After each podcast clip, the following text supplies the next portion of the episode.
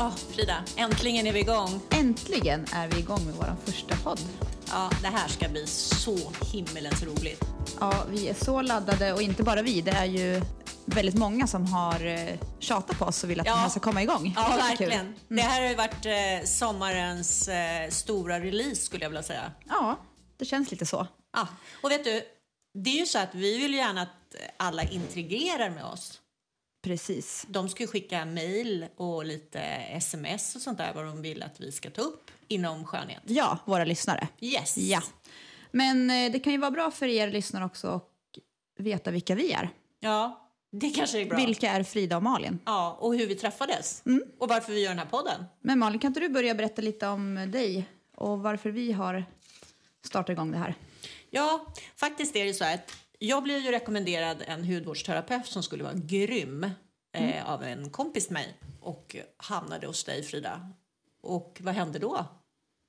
Jo, då hamnade du under min lupplampa, som man kallar det för. Där jag kunde granska din hy. Eh, och det började väl lite där, vårt snack om eh, skönhet. Ja, Då jag såg, du är ju en medelålders kvinna. mhm, närmare skulle jag vilja säga 54 år. Och jag blev ju väldigt imponerad av hur du har skött din hy utifrån en hudterapeuts pers- perspektiv. Och sen började ju snacket om våran, Ja, om våran podd. ja.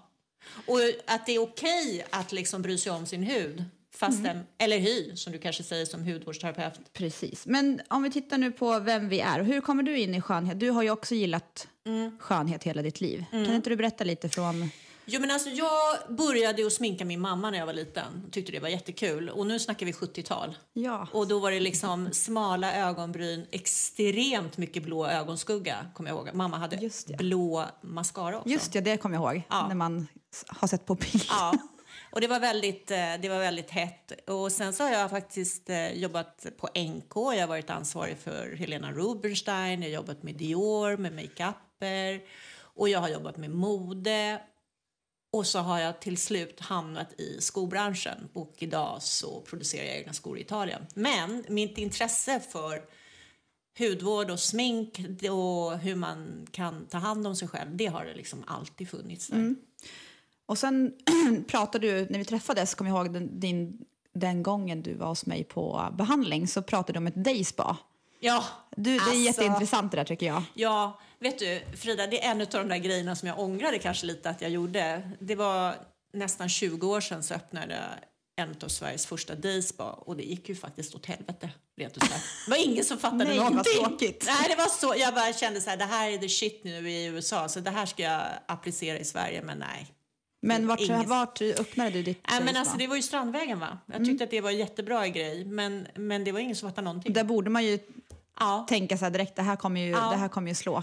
Plus att jag dessutom i samma veva bestämde mig för att jag trodde att doftljus och eteriska oljor var en bra grej. Eh, bara det att mina doftljus kostade 700 spänn och det var de enda som köpte var NK. Det var nog ingen som riktigt förstod det här med att det skulle dofta gott inomhus Nej. på den tiden. Så att det där var en dålig affärsidé.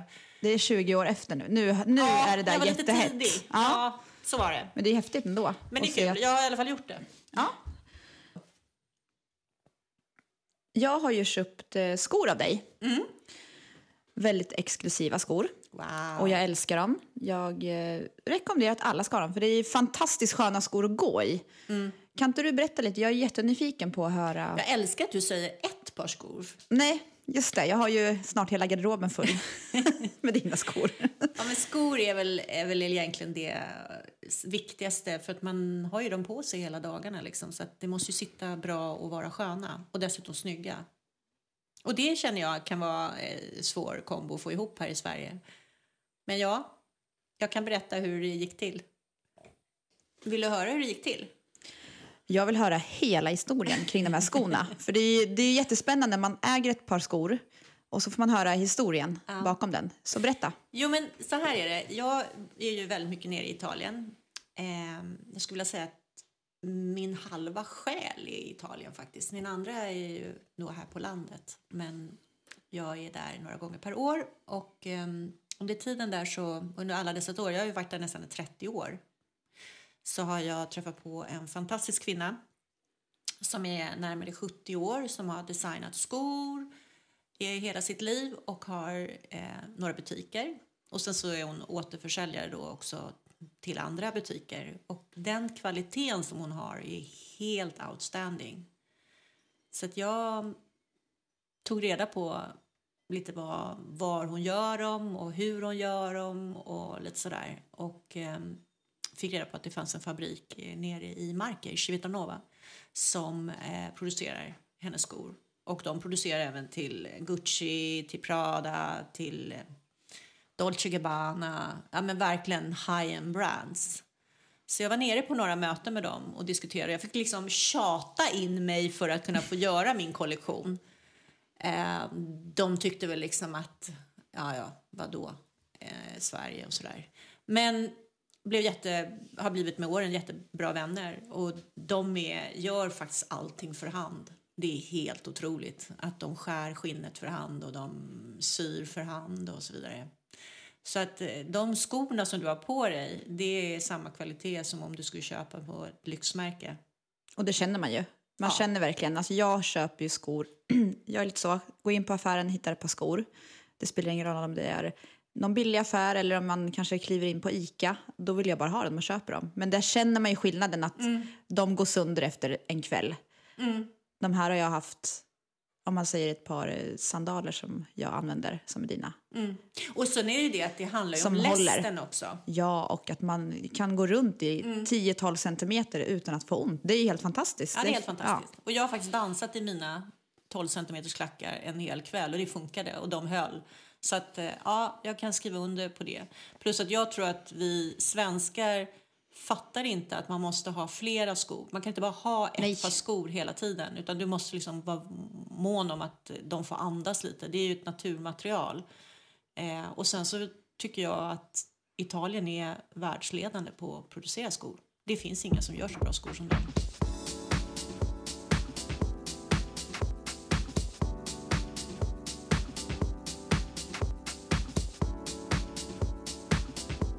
Nog om mina skor. Hudvård, eh, skönhet och allt annat. Hur, eh, hur står det till Frida? Det är liksom din, eh, din historia vi vill höra nu. Mm. Ja men absolut. Din var ju jättebra så jag känner så här, jaha, nej. Nej men jag är hudterapeut och är 31 år gammal. Har jobbat som hudterapeut i 10 år. Mm. Så det har, det har gått fort. Och precis som du sa tidigare, att sen jag var liten har jag älskat skönhet, smink, kläder. Samma där, jag låste in mig på toaletten, på mammas toalett och sminkade mig, du vet, man provade allt. Man hade liksom läppstift i ansiktet och det var... Mm. man, gick, man, man körde den här Go Bananas. Och gärna när vi hade kompisar hemma, eller mina föräldrar hade kompisar hemma, så kom man ut och tyckte att man var jättesnygg och mamma fick ju chocken. Gå in och tvätta av dig. Så redan där började jag snoka bland kläder och prova och älska när det kom hem folk till oss som var uppklädda och fina. Ja, du är alltid, tycker jag, lite fräsch. Eller lite så lite fräsch, men alltid ser det ut som du har liksom kommit eh, direkt ifrån badrummet och ska ut på någon stor fest eller någonting. Ja, men tack. Ja, men det, är, nej, men det är lite så. Jag eh, har svårt att gå till, bara till Ica och i mysbrallan. Mm. Utan jag vill, gärna, jag vill gärna känna mig fräsch och snygg. Och, ja. Men i alla fall så um, fick jag eh, hudproblem sen jag kom upp i tonåren. Redan vid 12-årstiden så fick jag akne. Och det är ju mardrömmen för någon som vill ha perfekt hy och ja, men det här ser bra ut. Och speciellt i tonåren så var det jättetufft på högstadiet. Man kan inte se det. Nej, jag har ju arbetat bort hela den. Jag har lite ärr kvar, men det syns knappt. Nej, verkligen. Nej. Så mamma tog mig till hudläkaren och vi provade alla möjliga preparat. Tetracykliner och A-vitaminer, men ingenting funkade. Roaketan är ju jättevanligt. Det funkar precis när jag åt det där, men sen kom det tillbaka hela tiden. Så mamma tog faktiskt kontakt med en hudterapeut. Eh, och sen var jag där och hon visade mig hur man skulle ta hand om huden. Jag hade ju, vet, fick jag finnar så tog jag tandkräm. Allt som torkade ut huden tog jag. Ooh. Men ja, man visste ju inte riktigt då. Sen, okay. Så hon eh, lärde mig faktiskt hur jag skulle göra. Och sen fortsatte det från den, den biten. Jag blev jättebra i ansiktet, jag tog hand om huden och sen gled jag in på makeup-biten. Håller på med eh, ett företag som heter Oriflame. Har du känner, känner igen det? Ja, men Ja. om jag gör. Ja. Eh, så de gick jag någon makeup-utbildning för och hade såna här home parties, åkte runt och greja och tyckte det var jättekul. Och sen fortsatte det där. Det, ja, men som det brukar bli. Att man, jag tycker om att prata med människor och så rullar det ena in i det andra. Och sen vart jag makeupartist och började jobba med det jättemycket. Bröllopssminkningar och... Men insåg väl att makeuperiet i en stad, jag kommer från Eskilstuna, det funkar liksom inte att jobba som frilansare. Nej, det, det kanske inte ens finns så mycket sådana typer av jobb där. Nej, Hur precis. kan gifta sig varje vecka? Nej, men det är ju så. Så att eh, jag jobbar ju med annat emellan, men hade fortfarande den här drömmen att bli ja, men hudterapeut som den här tjejen som hjälpte mig. Så drog jag till Norge, skulle tjäna ihop lite pengar för att betala min utbildning. Och eh, ja, men du vet ju hur jag är Malin, du vet, man kommer iväg och det blir lite partaj. Ja, ja. Ja, så det vart ju lite mer sånt på den resan. Men jag kom i alla fall hem, fixade pengar till den här utbildningen. Så drog jag till Stockholm, utbildade mig och sen eh, ett tufft år. Men jätte, jättebra utbildning, jättebra. Började på eh, lite större span på Sturebadet bland annat. Det har väl du säkert varit? Mm. Ja, ja, det är ju grymt. Ja, och sen lite mindre kliniker och sen jobbar jag på en klinik i tre år som är specialiserad på akne, rosacea och eh, olika men, psoriasis, olika hudsjukdomar. Så där fick jag ju min stora erfarenhet kring hudvården. Så jag har väl haft säkert, ja, jag tror det mellan 2 500-3 tusen kunder med akne. Man, man skulle kunna säga att du är liksom aknespecialist.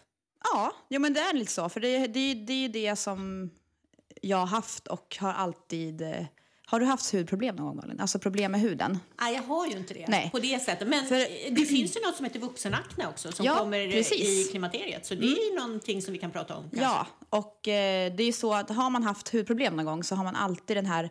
Det sitter alltid i en att man eh, tycker att det är jobbigt med huden. Jag tycker fortfarande det är svårt att blotta liksom ren hud utan foundation och concealer och allt det här. Fast jag har kanske för många en perfekt hy då. Fast jag har faktiskt haft en gång, en gång hade jag en, alltså jag hade en finne som blev lika stor. Alltså jag hade ett horn i pannan, på riktigt. Och min kompis Lisa sa att det var det värsta hon hade sett i hela sitt liv. Så att, ja, Nej, men sen har det fortsatt så där och eh, ja, sen träffades vi.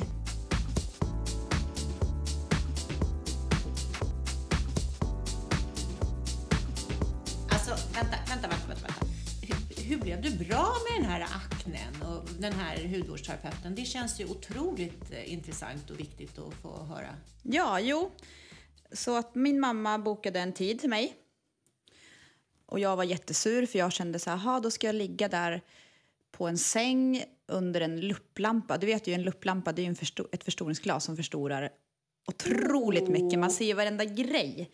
Och det var ju som att blotta sig. Så jag hade ju såna här svettningsattacker kommer jag ihåg när jag skulle åka dit. Och mamma sa så här, men du måste, ja men jag vill, och jag vill ju också ha hjälp så att så jag tog mig dit och sen eh, berättade hon då, hur huden funkar. Jag har ju bara torkat ut min hud. Och sen på den, den tiden, men det här var ju början på 2000-talet. Det var Proactive som var... Ja, liksom var ju jättegrej. Ja, det var ju en stor grej. Men det hade inte kommit riktigt då.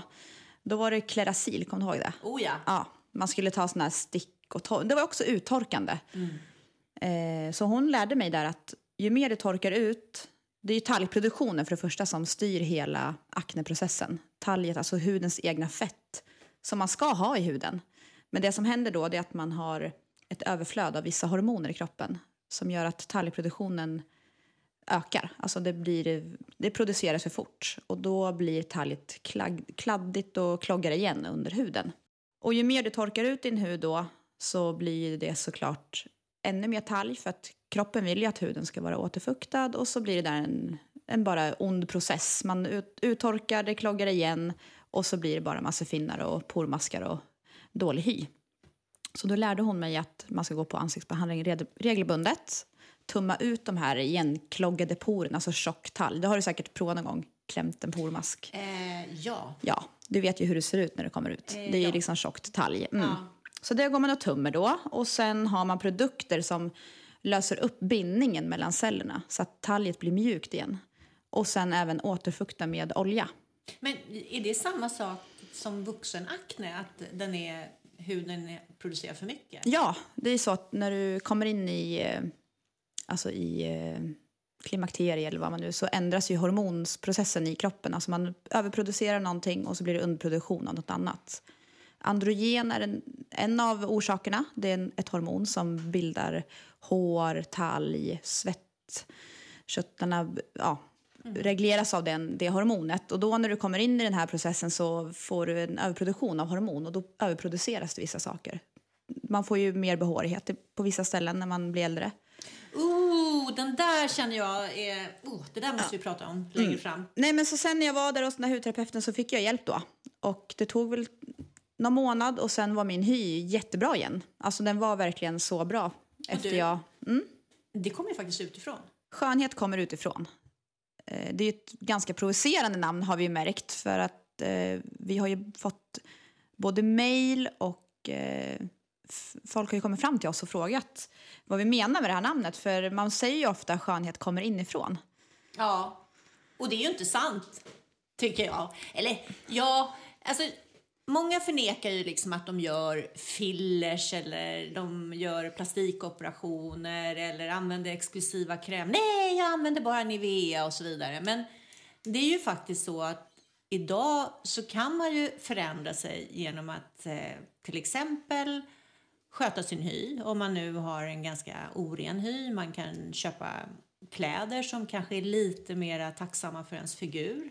Men, men, ja, men jag tänker på det här när man säger att skönhet kommer ifrån. Jag, det vi, pra vi pratar ju alltid om det yttre. När du och jag sitter och pratar och när vi pratar om kläder, mode, skor. Det är ju hela tiden det yttre, vad man ser. Och det där jag skulle säga vad jag tycker för mig, det är samma skulle jag gå upp i vikt och bli tjock eller fet eller lite mullig eller lite sommarrund. Då tar jag tag i det, för jag ser ju antingen på siffror på vågen eller i spegeln eller känner på kläderna. Det är ju också utifrån. Men är det inte självklart att man ska kunna få hålla sig snygg om man vill? Det tycker jag ska vara en självklarhet för alla. Jag tycker verkligen det. För det är... ja, och det är väl inget fult? Vi är inte så PK känner jag. Nej. Nej. Och så... sen det, det är samma det här, bara jag går till stranden eller affären som du sa förut att du tycker att jag ofta ser tillpiffad ut. Men det är så, jag gör det för att jag mår bra. Det är inte så att jag själv gör sådana saker för att andra ska tycka att det är snyggt. Det gör mig också såklart, men jag mår bra av att se fräsch ut. Och jag mår bra av att gå till min ja. PT. Mm. Och kanske också fixa till lite saker. Sen har jag ju extremt bra hudvård. Jag sköter min hy.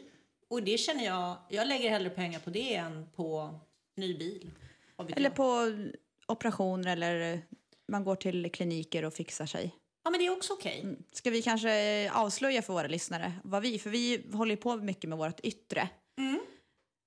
Ska vi avslöja vad vi gör för men jag tycker vi, alltså det är hela grejen att vi ska vara transparenta här. vi ska kunna ta upp eh, torrhet i slida eh, till eh, eh micro needles eller eh, ögonfransförlängning. Alltså jag tycker inte vi sätter några gränser. Nej. Men eh, vad har du gjort Malin för att, se, ja, men för att du ska känna att du ser bättre ut? Jag kan Ingrepp. säga så här att jag har opererat mina bröst och det gjorde jag efter jag hade fått mina två söner. Eh, jag brukar säga att de såg ut som eh, sedelklämmor. Alltså de, jag hade inga bröst. Så jag pumpade upp dem igen. Eh, och sen här gjorde jag en eh, näsoperation som jag kanske inte är helt nöjd med idag, som jag skulle kunna tänka mig förändra mig. Och jag har en biverkning, det är att jag blöder lätt eh, näsblod. Och när jag kom upp över 50 då provade jag att göra fillers. Mm. För jag. fillers är ju hyaluron. Jag, jag frågade dig för att det är många som blandar ihop fillers och botox. Mm. Mm. Men eh, fillers då Ja, men du vet, eh, det gör ju att man kan fylla ut vissa delar eh, så att man, ja men typ om man har linjer eller om man har mörka ringar under ögonen eller man kanske vill ha fylligare läppar eller vad det nu kan vara. Mm. Eh, och det är väl snarare få som inte gör idag över 50.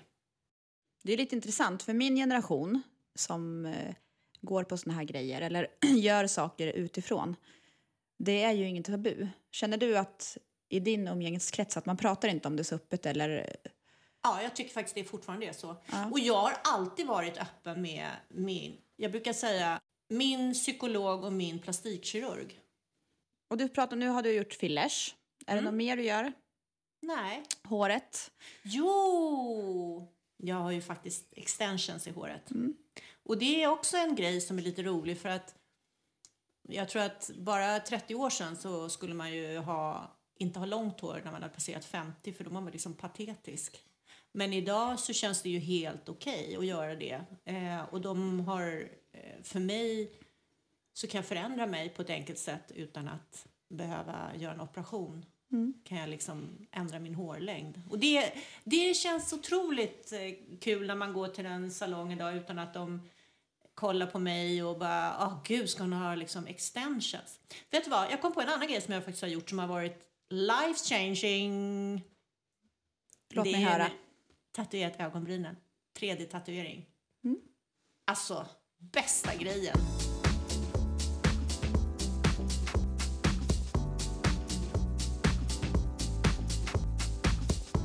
3D-tatuering nämner du. Det kanske är lite konstigt namn för andra. Men vad, är, vad gjorde du när du gjorde dina 3D-bryn? Ja, jag vet. Det är inte så att de sticker ut. Det är ju, alltså det är ju som en kam, vad jag förstår, med tre små, små skalpeller som de då eh, rispar in eh, färg i eh, brynen så att det blir som nya strån. Eh, och den är semipermanent, det vill säga att den, den sitter inte forever utan den, den liksom fejdar ut. Så att det, och, och, och det är ju super i sig för att eh, helt plötsligt ska vi ha smala ögonbryn igen som på 70-talet och då är, känner man kanske att man är glad över att man inte har gjort dem för breda eller att de sitter där för evigt. Det är ju perfekt. Men du, alltså nog om mig. Eh, nu får du vara transparent och berätta vad, vad har du gjort för några grejer? Jag började ju, när jag utbildade mig till eh, hudterapeut då så gick man eh, en del i utbildningen in så var det att ja, man fick jobba med, vara hos en plis- plastikkirurg på en klinik och då fick man ju redan där prova på fillers, alltså det var som ett erbjudande i, i utbildningen. Wow! Mm, så man fick prova på lite då. Så då passade jag på direkt att göra läppar för jag har alltid haft eh, tunna läppar alltså enligt mig själv. Så jag kände ju direkt att det här måste jag utnyttja. Och jag var livrädd för jag är jätterädd för sprutor. Alltså, Men, vä- vänta, läppar. Alltså, men, vet, de här bloggläpparna som ser ut som anker, så ser inte dina läppar ut. Nej, och jag har ändå fyllt mina läppar i tio år nu.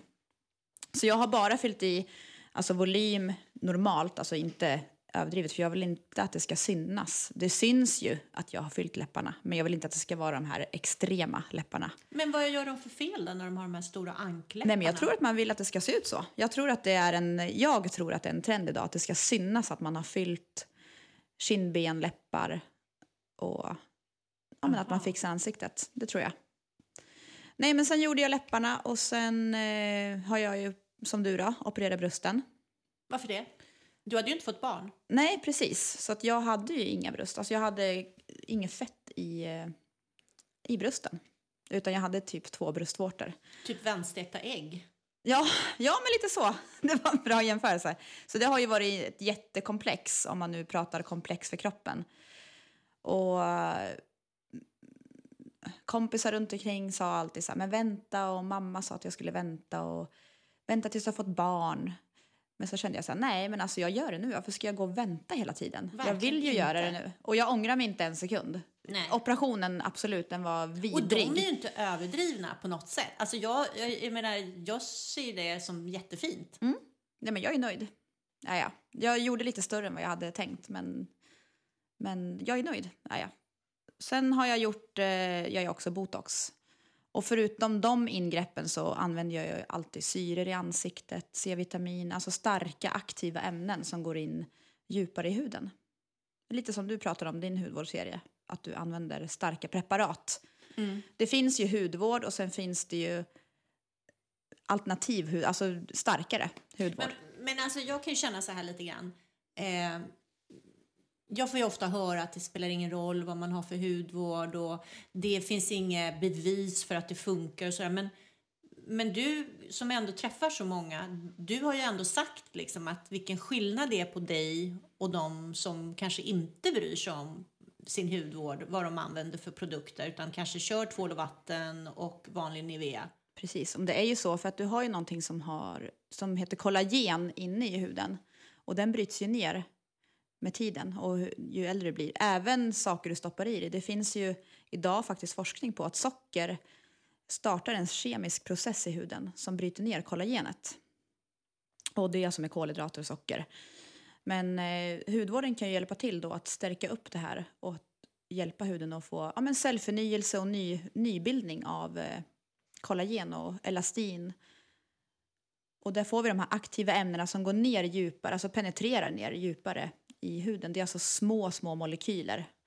Tittar man till exempel på oljor, om man tar en olivolja som en del smörjer sig med. Det blir mm. alltså, den, det är jättebra för huden, det blir som ett skydd.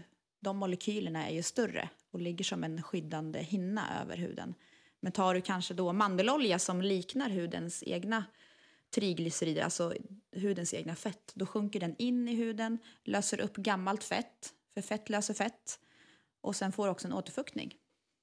Vill du höra något helt eh, sjukt? Mm. Men när jag var 18 år och var på Cypern, då smörjde jag in mig med olivolja. För att bli brunare? För att bli brunare. Mm. Och nu använder jag solskydd 50. Och är ganska brun. Ändå. Mm. Ja, ja, det är det här att man ska sola smart. Jag tror inte man vet, det, det kommer vi också prata om i nästa avsnitt om solskydd, våra favoriter och varför man ska använda solskydd. Mm. Jag satt här och tänkte lite nu Malin, på din hy faktiskt, nu när vi pratar om huden. Du har ju en fantastiskt fin hy. Eh, och jag, alltså jag är lite nyfiken på vad använder du för, för hudvård?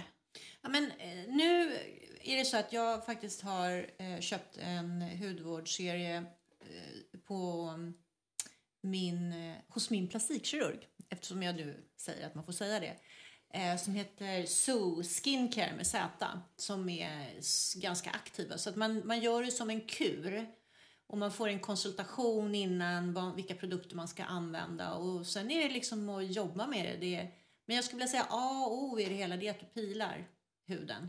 Mm. För att eh, få bort döda hudceller och, och, få en ny förnyelse. Men jag tycker att det, det har varit en, en, en eh, väldigt bra, ett väldigt bra resultat. Mm. Faktiskt. Ja men det är det faktiskt. Det ser man ju på, på din hy. Och det kan jag tänka mig är syror i den här ja. serien. Ja, det är det. För det är ju lite idag hemligheten, alltså att man inte bara har en eh, eh, mekanisk peeling. Mekanisk Nej. peeling betyder att du pilar med korn eller med skrubbhandskar eller så, som tar bort ja. det mekaniskt. Nu har du en kemisk peeling som går ner och tränger in i huden. Mm. Och det kanske många, vet du, hur det, vet du hur det funkar med den kemiska peeling? Alltså cellmässigt, på cellnivå?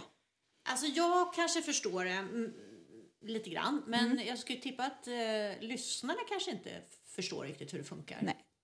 Det som händer med de här syrorna, de är ju fruktansvärt små.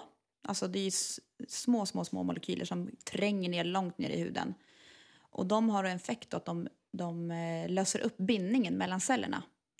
För man vill ju ha så nya och fina hudceller så nära det, nära det yttre så att man får den här släta känslan i huden. Så det den gör då, man, tänk, man kan tänka så här att du har eh, russin högst upp på, torkade platta russin högst upp på eh, hudytan. Och ju längre ner du kommer så blir det tjocka, fina, färska vindruvor. Och det är de cellerna vi vill få upp. Det är de vi vill komma åt så att du får den här fina lysten i ansiktet. Men, och, i min, i, jag tänker fråga liksom, kan alla få det? Om de använder syre, kan alla få liksom lyster i huden? Mm, för det funkar ju likadant på, alla, på, på huden då. Så det som gör då att när man lägger på den här syran så eh, bryter man bindningen mellan cellerna, alltså det här limmet som limmar ihop alla celler. För huden är ju väldigt stark.